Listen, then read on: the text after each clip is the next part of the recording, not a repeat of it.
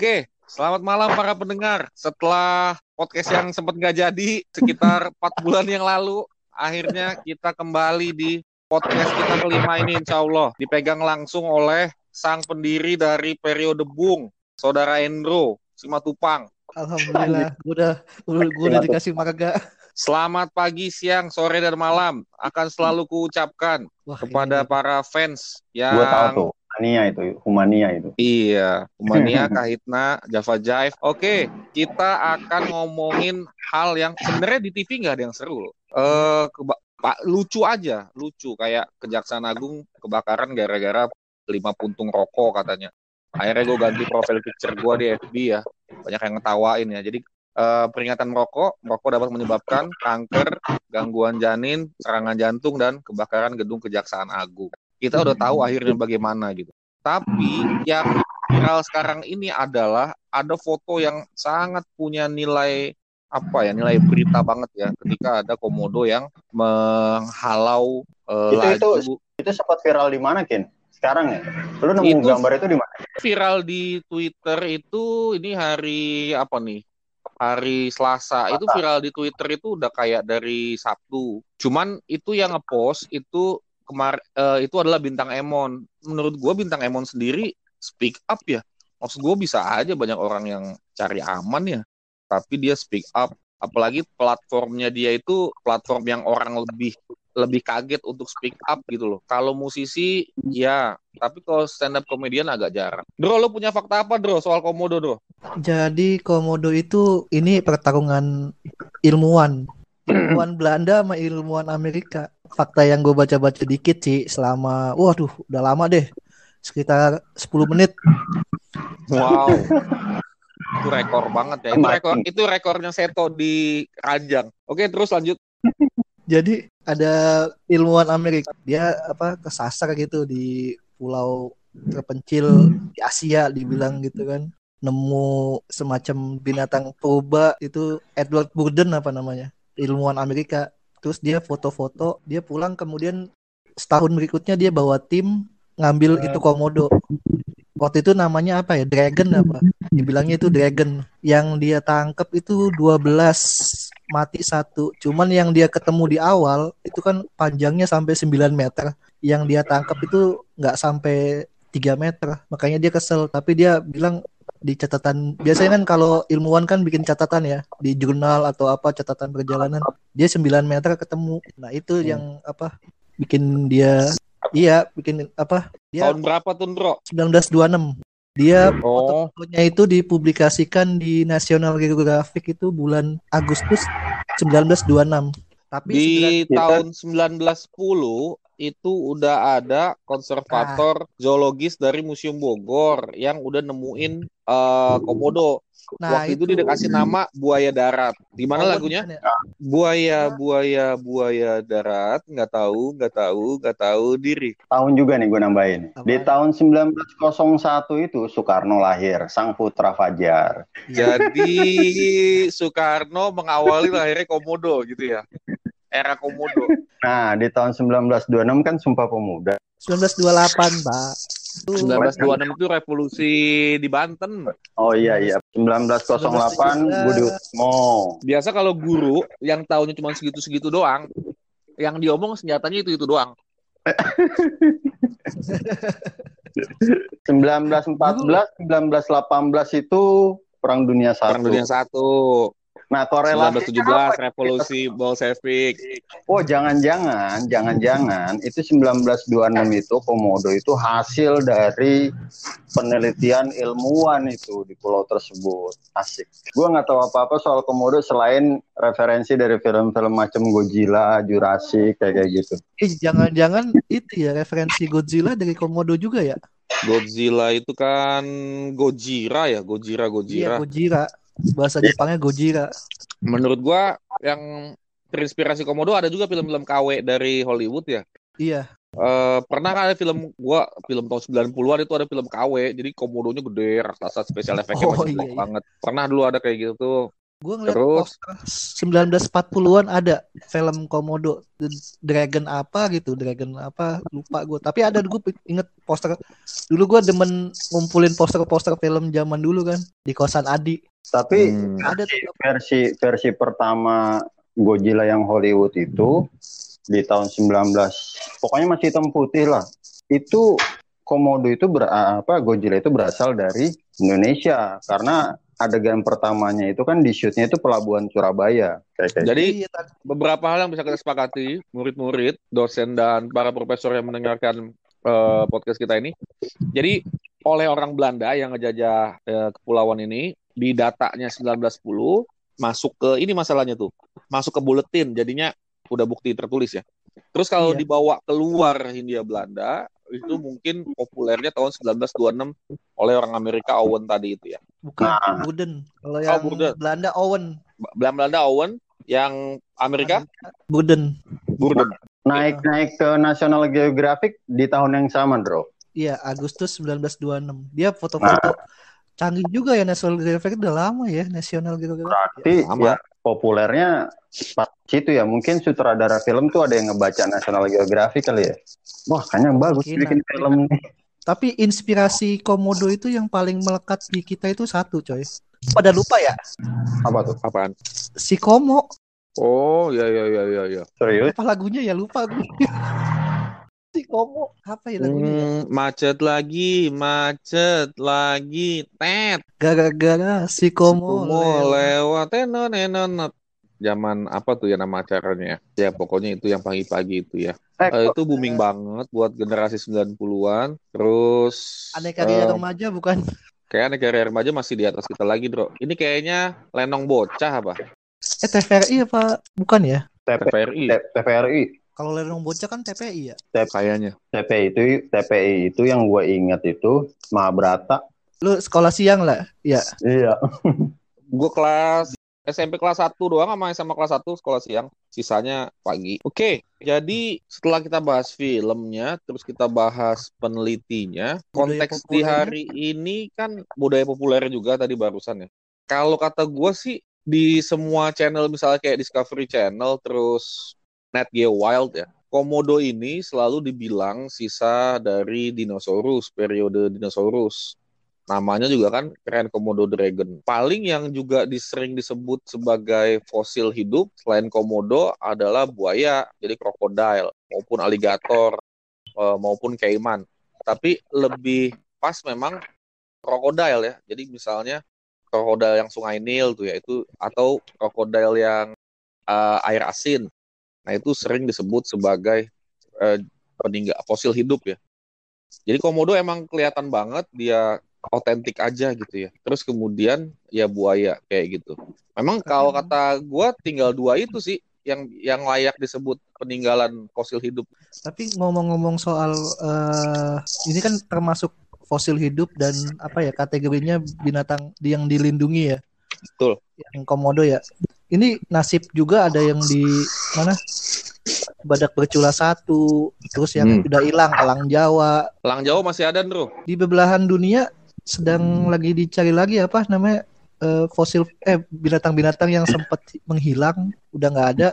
Ternyata pas eh, ditemuin masih ada. Dan Hmm. kalau gue bilang Ada- ya karena keanekaragaman flora eh fauna di Indonesia tuh gila banget itu banyak. Nah, itu sama satu lagi Sayang tuh. aja. Gue jadi teringat di Papua itu di di Pegunungan Jayawijaya itu yang memang hidupnya cuma di pegunungan sekitar Pegunungan Jayawijaya itu memang ada spesies anjing khusus dan dikatakan sudah Iya iya iya. sudah hilang, udah punah.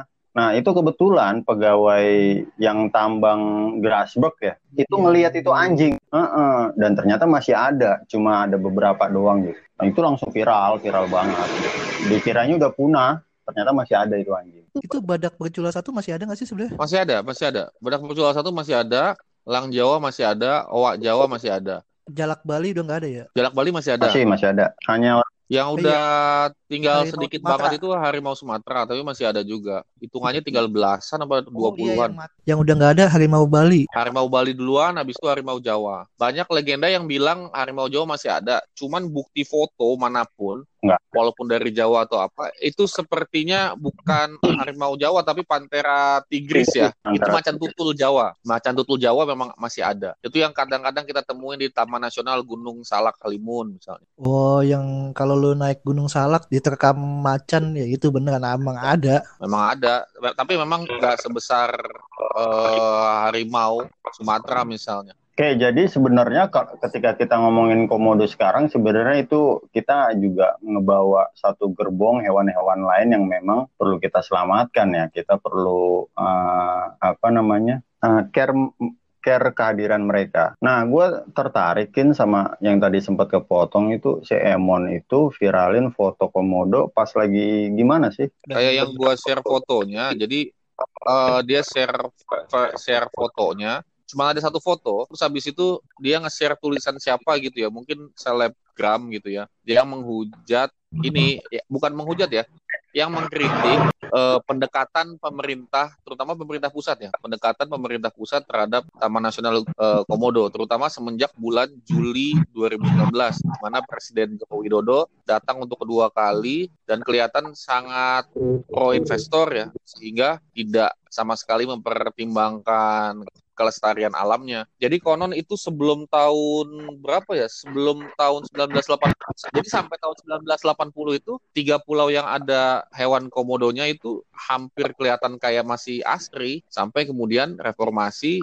Nah, itu udah mulai udah mulai terekspos. Jadi memang sebelumnya oke-oke aja. Nah, ini memang investasi yang masuknya ini kalau dari yang di reshare dari bintang Emon emang investasinya sangat Gila ya. Tidak memperhatikan lingkungan gitu. Tapi yang gua yang apa ya? Jadi menjadi area konservasi itu kalau nggak salah Januari 1977 kalau nggak salah ya.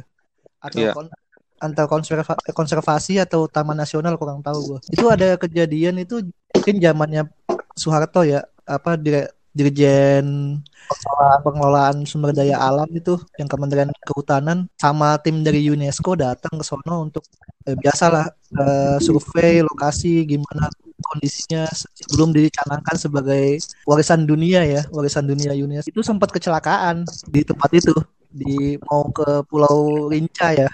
Itu kecelakaan sehingga ada beberapa staf yang meninggal. Itu mereka balik lagi. Emang dermaga itu memang dibikin memang kecil sih, tapi memang upaya peneliti apa ilmu Bisa ngakses ya. dan itu semua bisa akses dan itu biayai emang ada funding UNESCO. Oke, Memang kalau yang peneliti. kalau menurut gue pribadi batas eksploitasinya sih sampai waktu itu Taman Nasional Komodo itu jadi akhirnya jadi warisan dunia menurut UNESCO. Kalau nggak salah tahun 2018 ya. Waktu itu kan Jack, eh, Yusuf Kala yang mempromosikan luar biasa. Dan lo Oh, inget nggak berarti kita 77 tahun 77 ngirim berarti SMS. ya? lo inget nggak kita ngirim SMS sebanyak-banyaknya ke UNESCO? Oh iya iya. Nah itu iya. kan 2018 ya kalau nggak salah ya. Nah itu JK dan akhirnya berhasil. Nah menurut gua, gua nggak tahu teknisnya. Gue juga bukan orang sana. Mungkin gue juga sotoy. Kita memandangnya satu pihak aja. Tapi gue pikir sampai di situ udah cukup. Maksud gue nggak perlu ada yang dibangun lagi. Yang ada adalah dijaga, dilestarikan gitu. Cuma kan kalau yang ada di foto ini dan banyak dan beberapa orang bicarakan adalah kan setelah itu ada ekspansi lagi. Jadi sepertinya tempatnya digunakan untuk mempernyaman orang-orang yang ingin turis berlibur ke sana kayak gitu. Nah itu yang itu yang menurut gua nggak bisa diterima. Kalau kondisi seperti itu gua nggak bisa nerima. Gue juga udah tanda tangan petisinya karena gue pikir setelah 2018 harusnya udah nggak ada pengkondisian yang bangunan ba- tambahan di Pulau Komodo gitu. Kalau gue bilang ada terkaitan ini nih eh, antara menjadikan Labuan Labuan Bajo kan mau dibangun gila-gilaan juga. Labuan Bajo yang sangat asri itu mau dibangun juga yang malah jadi nggak asri kan kalau gue bilang. Yang Labuan Bajo memang mahal sama kayak di mana? Di Papua tuh Raja Ampat. Raja Ampat. Itu kan cottage-cottage kan dikit dan memang mahal dan lu kalau Dan mau itu pakai ngeliat keindahan ya memang mahal lu harus lu harus kaya nah sekarang di Labuan Bajo itu dibangun supaya eh, hotel-hotel kelas menengah, hotel istilahnya premiumnya hilang loh. Kalau gue bilang ya, kalau gue kalau gue nalar kan, ini sifat premiumnya hilang. Lu pengen ke Labuan Bajo cuman makan Indomie bisa. Kalau kalau masih premium, lu ke Labuan Bajo beli aqua aja misalkan bisa lembab lima puluh ribu. Iya, memang lu harus super kaya lu untuk tambah menghilangkan eksklusivitasnya. Kedua ini MotoGP Mandalika itu kan satu kawasan tuh Nusa Tenggara Barat sama NTT kan Labuan Bajo eh Mandalika Mandalika ke Labuan Bajo Labuan Bajo ke Rinca itu udah kayak satu garis pariwisata itu kayaknya mau digenjot semua itu. Nah, jadi gini kok. Ya. Eh, uh, bulan sebulan yang lalu itu kan kalau nggak salah gue juga sempat ngikut itu acaranya. Itu kan itu acara dari apa namanya uh, Kehutanan ya Kementerian Kehutanan. Itu mereka menggelar acara Festival Taman Nasional 2020 dan wisata alam. Nah, yang kebetulan gua uh, itu di situ banyak. Seluruh taman nasional se Indonesia itu semua ada botnya dan gua terpaku sama bot yang ada di Nusa Tenggara Timur which is di sana ada dua taman nasional gua lupa satu lagi apa cuma yang satu lagi itu yang cukup terkenal itu adalah Taman Nasional Kalimutu di NTT juga. Nah di NTT itu ada tiga pulau besar. Nah kebetulan nyambung dengan yang lo omongin memang di kawasan Indonesia Timur itu sedang dibangun gede-gedean dan yang digembar-gemborkan yang coba dikampanyekan sama sama Kementerian Kehutanan itu adalah sustainable ecotourism. Kalau memang seperti itu, gue pikir sangat disayangkan banget kalau misalkan eksekusinya justru malah menghilangkan sisi apa sih konser, konservasinya loh. Ya lu lu silakan lah lu bikin wisata yang yang yang profit cuma kan konservasinya juga kan harus diperhatikan juga. Dan kayak dan iya ya. dan dan nggak cuma konservasi alamnya aja tapi di di di sosialnya masyarakatnya. Karena lu percuma ngomongin konservasi tapi masyarakat di sekitarnya juga nggak dibangun kesadarannya. Kalau kalau kalau misal eh, mudah-mudahan yang Kementerian Kehutanan itu eh, merger ya sama Kementerian Pariwisata. Soalnya lu kalau ke Tokyo apa ke Jepang itu ada hutan bambu. Itu benar-benar nggak ada bangunan beton di situ. Kecuali hotel yang emang jauh. Tapi itu bambu semua sepanjang jalan. Terus Rocky Mountain di Amerika itu jangan lu ngarepin ada hotel di situ. Itu benar-benar gundukan pasir yang gede sama batu-batuan cadas yang jadi apa uh, video musiknya Bon Jovi, Guns N' Roses, hmm. Rocky Mountain. Itu kan bener-bener mana ada hotel di situ. Jadi memang dibiarkan kayak gitu. Tapi kalau lu mau ngebangun, lu harus jauh dari situ, nggak apa-apa. Kalaupun harus ngebangun, ngebangunnya jangan pakai beton. Kalau yang di hutan bambu, ya dia pakai jalan setapak batu tapi rapi.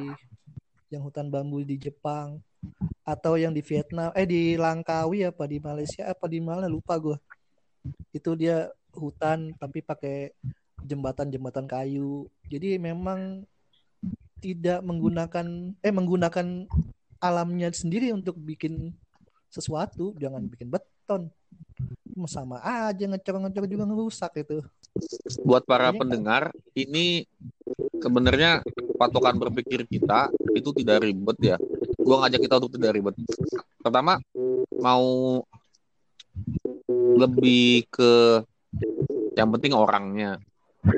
Lalu kemudian apa mau lebih penting uh, lingkungannya. Nah di mana manusia sama alam ketemu itu pasti terjadi clash dan kemudian lu terpaksa harus milih juga lu mau lebih ke orangnya atau lebih ke ke alamnya. Nah kalau tadi anda bilang merger antara pariwisata dan kehutanan. Nah, menurut gue itu apa namanya? Ekoturism. Ya, Enggak, pariwisata itu menurut gue pikiran gitu apa gitu. Oh, Maksud gitu. Enggak karena kayak semuanya punya... ini akan diterabas sama yang namanya judulnya investasi. Jadi yang bisa ngasilin pusat ekonomi baru istilahnya datengin duit gitu. Terus kemudian apa ya? devisa masuk itu akan dipakai oleh terutama pemerintahan yang ini, pemerintahan yang ini ini oke. menurut gua pro investasi gua asing gua banget gua gitu. mark point gua gua uh, dapat poinnya mungkin kita kembali lagi ke podcast beberapa uh, apa episode yang lalu kita pakai rumusan yang kita sudah sama-sama tahu bahwa alam akan menemukan jalannya iya pak kan Jurassic iya Park ya. karena gue pikir korelasinya ngena banget. Kalau lu kalau kita nonton Jurassic Park itu kan sebenarnya kan ya apa yang kita omongin saat ini gitu. Ketika alam itu coba di manage sedemikian rupa untuk tujuan ekonomi, eh, sisi sisi liarnya naturalnya itu coba di diatur ya. Ya pada akhirnya ya akan terjadi clash mungkin ya seperti yang lo bilang Kin.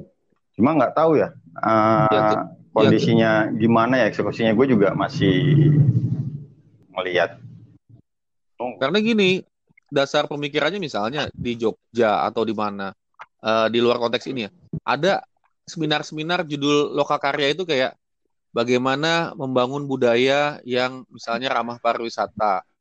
Nah, kalau kata gue budaya itu tinggi banget, dia buyut gitu ya. Terus dia dipaksa menyesuaikan diri sama yang namanya pariwisata. Pariwisata itu menurut gue ini remeh, remeh temeh dari budaya. Budaya itu nanti larinya ke mana-mana ke undang-undang, terus ke sistem sosial kita gitu ya. Tapi ini kok budaya dipaksa fit buat pariwisata itu kan sama aja kita motong-motong ikan buat disajiin jadi sushi gitu. Yang kita ambil buat hidangannya ya susinya, cuman kita nggak lihat ikan tuna besarnya. Jadi, nah itu itu semuanya buat pariwisata. Terus kemudian kalau tadi kehutanan juga bu- eh, dialihkan buat pariwisata nanti apapunnya pasti akan jadi komoditas. Nah itu yang menurut gua berbahaya di di negara ini.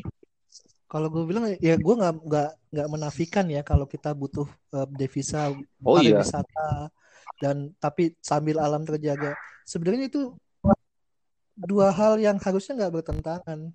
Harusnya kalau kita yang gue bilang tadi kalau ngomongin premium keaslian originalitas ya lu jaga kayak apa ya gue gue kan nggak sengaja kemarin ngeliat di Trans TV udah lama sih ada wisata atau kayak kubah gitu gede isinya burung sama kupu-kupu. Di Amerika apa? Apa di Kanada? Isinya kupu-kupu doang. Kupu-kupu. Dan orang berani bayar mahal untuk ngerasain gimana dihinggapin sama kupu-kupu. Gila lu originalitas orang dihinggapin sama kupu-kupu. Dia berani bayar mahal. Gimana komodo? Gimana, kenapa harus lu Gimana? iya iya, maksudnya originalitas itu.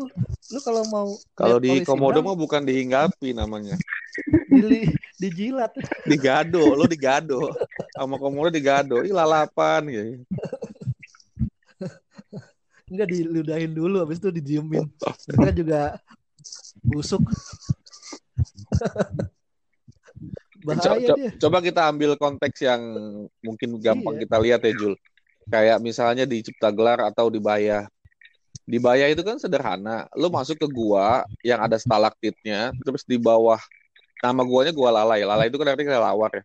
Lo jalan dari desa Sawarna, terus lo jalan nyusurin gua itu, tahu-tahu lo ketemu di pantai Ciantir, pantai yang pasirnya putih.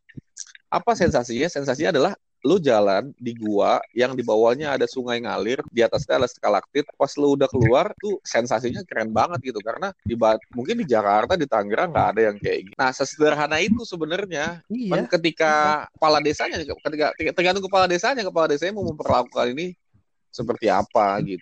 Karena begini, yang gua dan guru geografi di sekolah gua benci itu di setiap objek wisata pasti ada tulisan besarnya gitu loh. Kayak Pantai Pandawa, Terus misalnya ada tulisannya Pantai Pandawa gitu. Terus misalnya Losari ditulis gitu. Jadi semuanya emang buat Instagram, semuanya emang buat media sosial. Nah, oh itu menurut iya, gua iya. juga cara pemikiran yang salah menurut gua eksekusinya. Akhirnya apa? Akhirnya tempat wisata itu harus ada tulisan kayak gitu. Maksud gua sisi misteriusnya terus di mana gitu. Kalau Borobudur mungkin BU, udah masuk BUMN ya, artinya pengelolaannya BUMN. Nah, menurut gua Borobudur Prambanan itu bagus kalau dikasih kayak gitu misalnya. Atau kalau di Bali itu misalnya di Monumen Perjuangan Rakyat Bali yang di Renon. Tapi maksud gue kayak pantai Pandawa gitu di tebingnya nggak usah ditulis pantai Pandawa. Maksud gue dengan struktur yang khas ya lo bisa tahu itu pantai Pandawa atau enggak. Atau nanti kalau lo posting itu di Instagram atau di Facebook kan biarin aja orang nanya gitu kan. Atau biarin aja misterius. Nah jadi kita dalam hal hal media sosial aja itu kemudian bisa ngubah cara kita ini, bisa ngubah cara kita menjaga sih, nggak usah melestarikan, menjaga lingkung, menjaga tempat wisata aja kita bisa jorok jatuhnya gitu. Jadinya kayak itu ya apa kehilangan sisi misteriusnya. Kalau gue bilang jadi ya maaf maaf, maaf jadi pasaran. Ingat jadi orang nggak perlu bersusah payah. Ya udah pasaran datang ke pantai Pandawa foto di depan tulisannya. Kelar dia nggak perlu menikmati pantainya. Oh, iya benar dia udah spot Instagram doang. Iya benar jadi kan kayak pasaran aja. Ada saudara gue emang kayak gitu. Jadi kalau misalnya dia ke Bali banyak kayak gitu. Jadi kalau misalnya dia ke Bali dia emang jadi di suatu objek itu tidak lama. Jadi dia datang ke Bali empat hari itu harus nyobain objeknya banyak banget jadi hari ini 15 menit 20 atau setengah jam habis itu selesai foto-foto cabut. Jadi dia tidak misalnya tanah lot dia nggak menikmati tanah lot ada karang-karangnya enggak foto selesai. Dia di Kute juga kayak gitu. ya. jadi tanah sekarang generasinya kayak gitu. ada ular foto suci. di Harat Kota. Foto di Harat Cafe. Masuk kagak pokoknya saya di pelangnya hmm. bro kafe Bali. Lo ke Malaysia ya, di Legoland. goreng dadakan. Legoland iklan bro Hey, hey, itu endorse itu endorse. Gue di podcast Cik Gu Akin itu uh, sangat menjaga supaya karena gue belum bisa terlalu ngedit ya, gue sangat menjaga supaya nggak ada suara-suara apa masuk ya, termasuk suara nafas gue. Cuman kalau di periode bung ini memang kita rekamannya aura-auran, mungkin karena memang kemampuan editnya luar biasa. Enggak, enggak. Gua gue mencoba untuk ini. mendalami prinsip naturalisme aja sih seperti yang dikatakan biar premium. Ya sih. Oh gitu.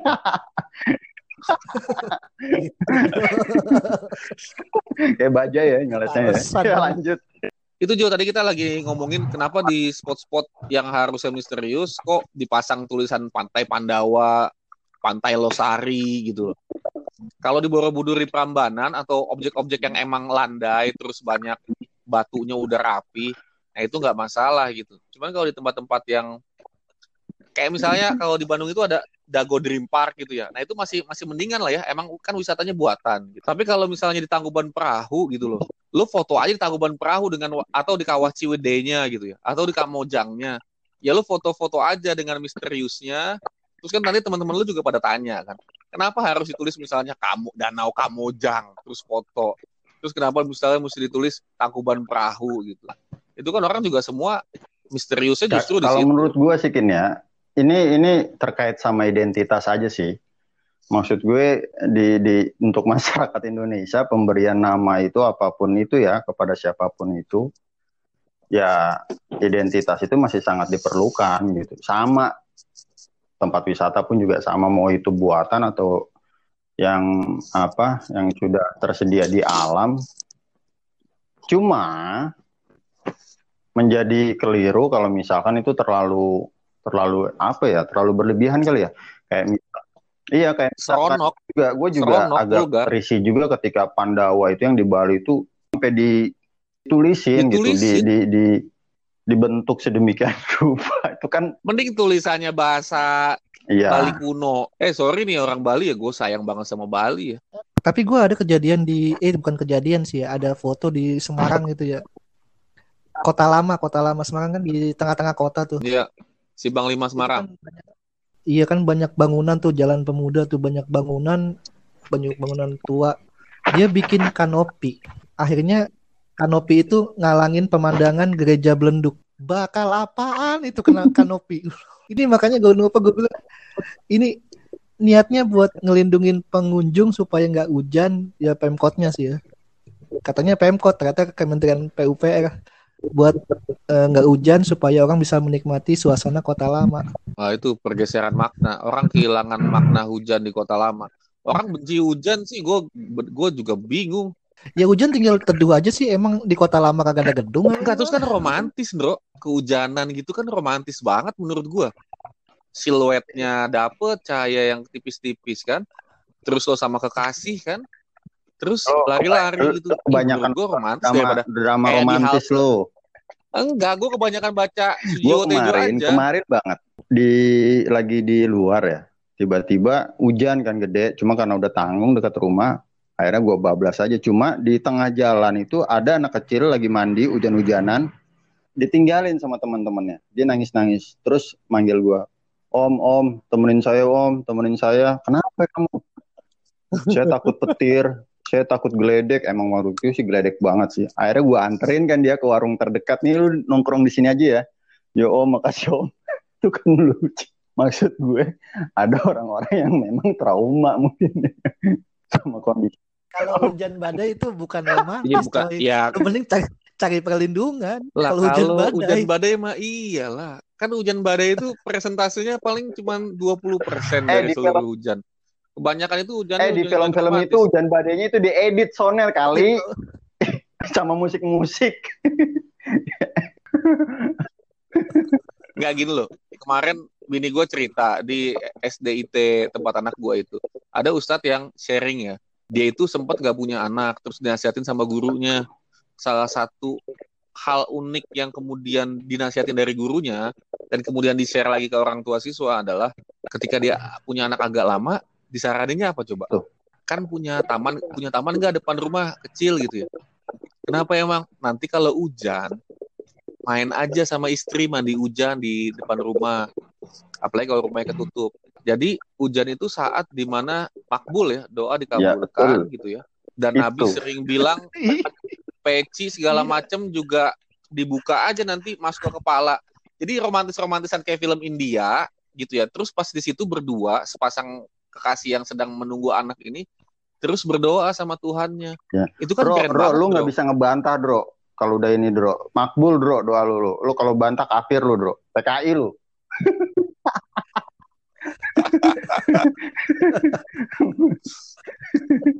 Lu main di taman, kagak pakai baju Hmm, hujan-hujanan. pakai baju lah. Jadi kayak film Indian, Bro. Iya iya iya. Pegangan iya. di motor spin sambil- kayak gitu. Oh, kirain gua Lalu sambil main. lalu tadi. tiba-tiba Eh, datang buset. datang anak kecil yang tadi. Mbak, Mbak, tolongin saya, Mbak. Oh, oh. Hujan Setahu gua di di Semarang itu setahu gua ada anak-anak atau kelompok yang emang ini sih fokus buat merhatiin kota tua sih. Kalau Semarang gue mungkin nggak begitu khawatir gitu. Semarang, Gue Jakarta. bukannya itu ya.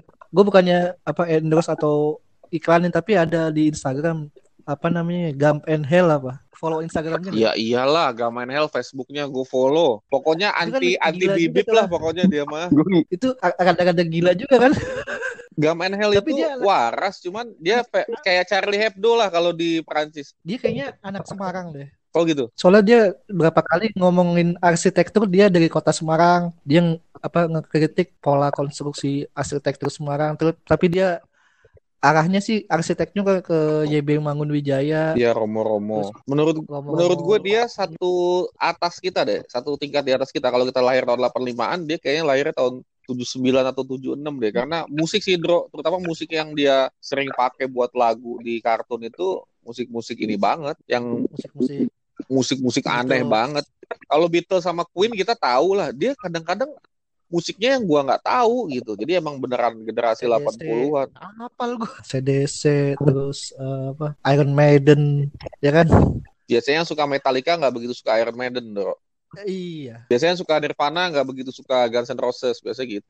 Yang suka rokok super nggak suka rokok gudang garam biasanya kayak gitu. itu pasti itu pasti itu pasti itu itu dua kubu sama sebenarnya kita udah ter- dipisahkan zaman dulu Iya. rokok garpit sama super heeh. sekarang kan Kayak makan bubur, diaduk apa nggak diaduk? kita suka suka banget sih di- dipisahin Hah? suka banget dipisahin Iya dibis. Ya ini. Jadi emang segmented bro. Jadi ini marketing gara-gara marketing. kagak kagak Dulu tidur. lagi baca-baca aja gua. Ke- kebetulan gue tapi ini, dikit aja kali ya. Gue pengen nambahin sesuatu yang yang menurut gue keren Oke. banget Eh, terkait sama masih terkait dulu? sama ini sih sebenarnya sih. Apa namanya? Kons- konserva konservasi, Kodomo. kodomo. terus tambahan satu lagi itu heritage ya. Tadi gua sempet nih sore itu Oh iya. eh, dialog eh, youth live live YouTube itu ter, eh, Historia sih yang ngadain ya sama Jarum itu mereka kolaborasi bikin bikin satu kegiatan di mana kegiatan itu adalah untuk menemukan peradaban kota yang hilang. Dan ini keren banget menurut gua. Karena mereka Wah, mereka, mereka mencoba teknologi baru yaitu teknologi gua nggak tahu eh, kayak semacam satelit ya yang nyeken tidal Oh, iya, iya, tahu gua. Gua- Ah, Tidal pakai dan kita baru pakai itu. Baru banget pakai itu padahal Thailand itu sudah menggunakan itu dan mereka sudah menemukan kota yang hilang di tengah hutan dan kita baru pakai itu karena memang uh, the have-nya kan jarum gitu. Jarum yang yang yang yang membiayai semuanya. Objek utama yang mereka fokuskan sekarang adalah Sriwijaya, men. Muara Jambi. Kan kalau kalau kalau lu kalau misalkan lu pemerhati sejarah ya atau sering-sering baca-baca itu kan memang Sriwijaya itu secara eksistensi pun kan sekarang sekarang kan masih sering dipertanyakan tuh ya. Terus juga bukti-bukti prasasti dan macam-macamnya juga kan agak minim gitu untuk diinterpretasi. Itu satu. Eh, gue sih nggak setuju. Sriwijaya itu banyak banget prasastinya. Iya, Lanjut, Jul. ya banyak cuma memang masih sangat minim untuk dieksplor gitu.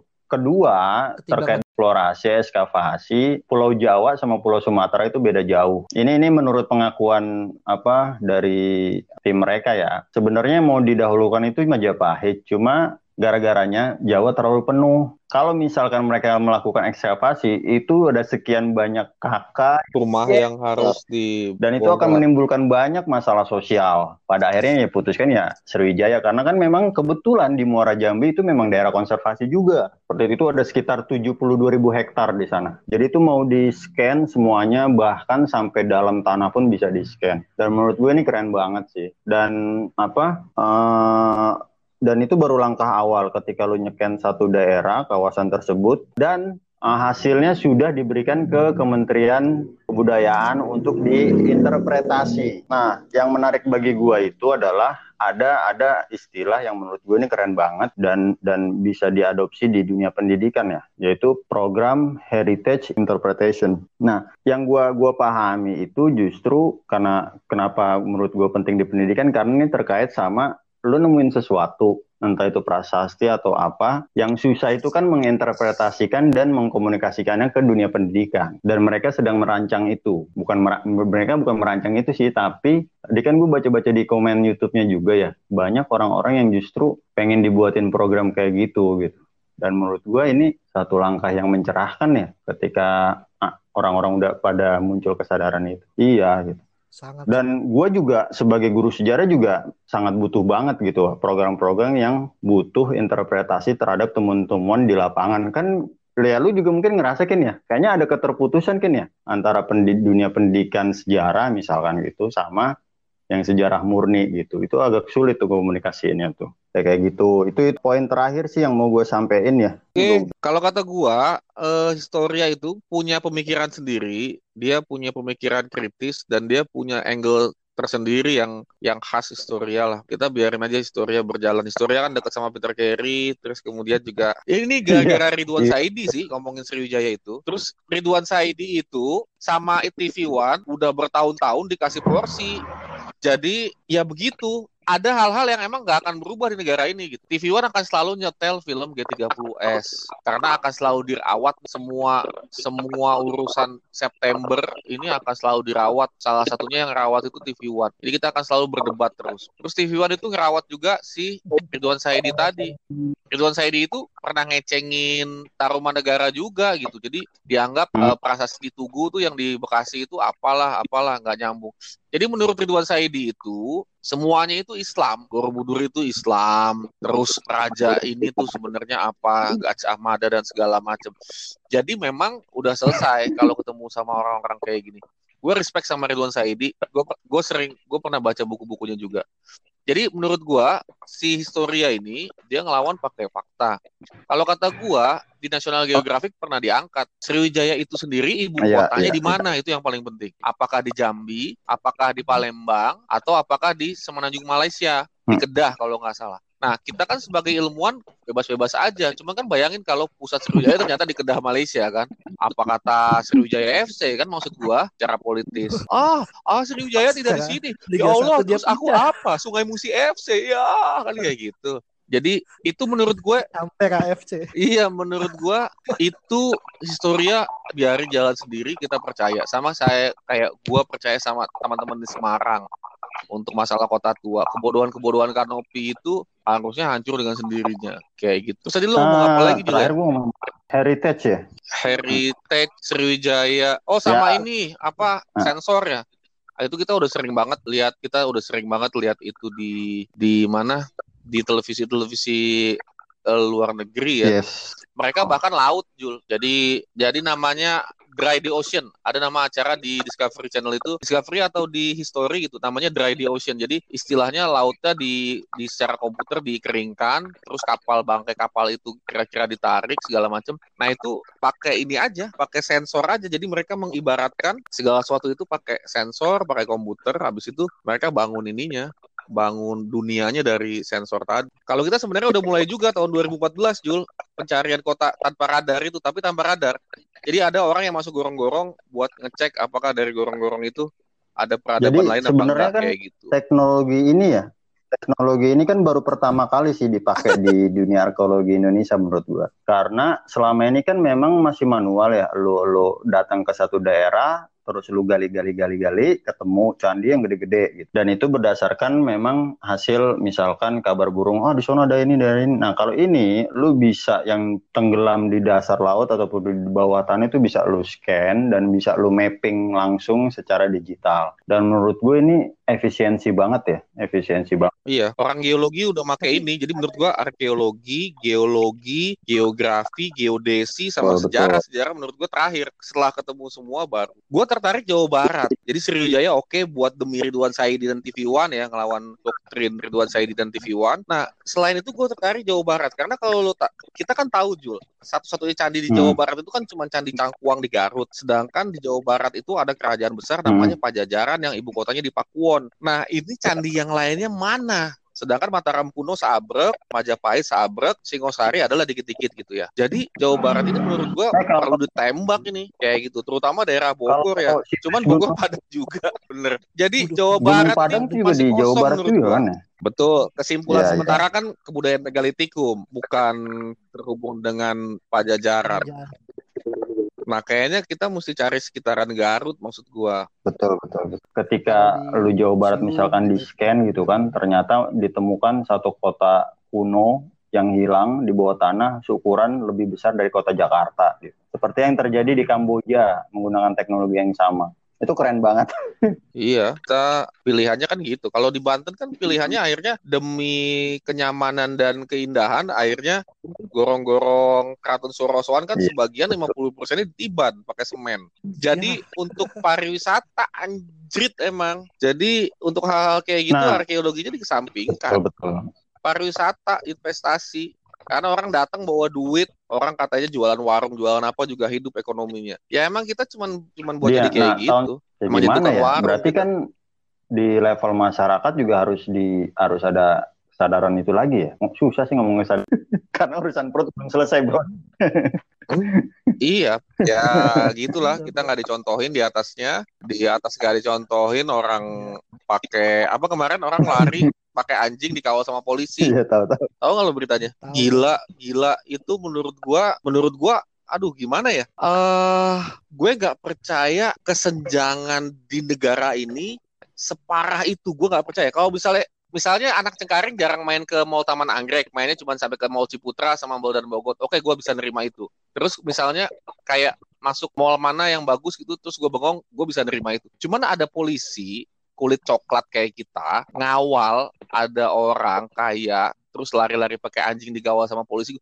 Menurut gua itu rendah banget polisi. martabat kita. Enggak, kalau gua bilang sih itu Iya, iya kan justru yang yang yang poin apa titik beratnya di situ, institusi sih. Kalau lu dikawal sama bodyguard gitu, mau lu uh, gede-gede sih oke okay, gitu. Cuma kan ini polisi.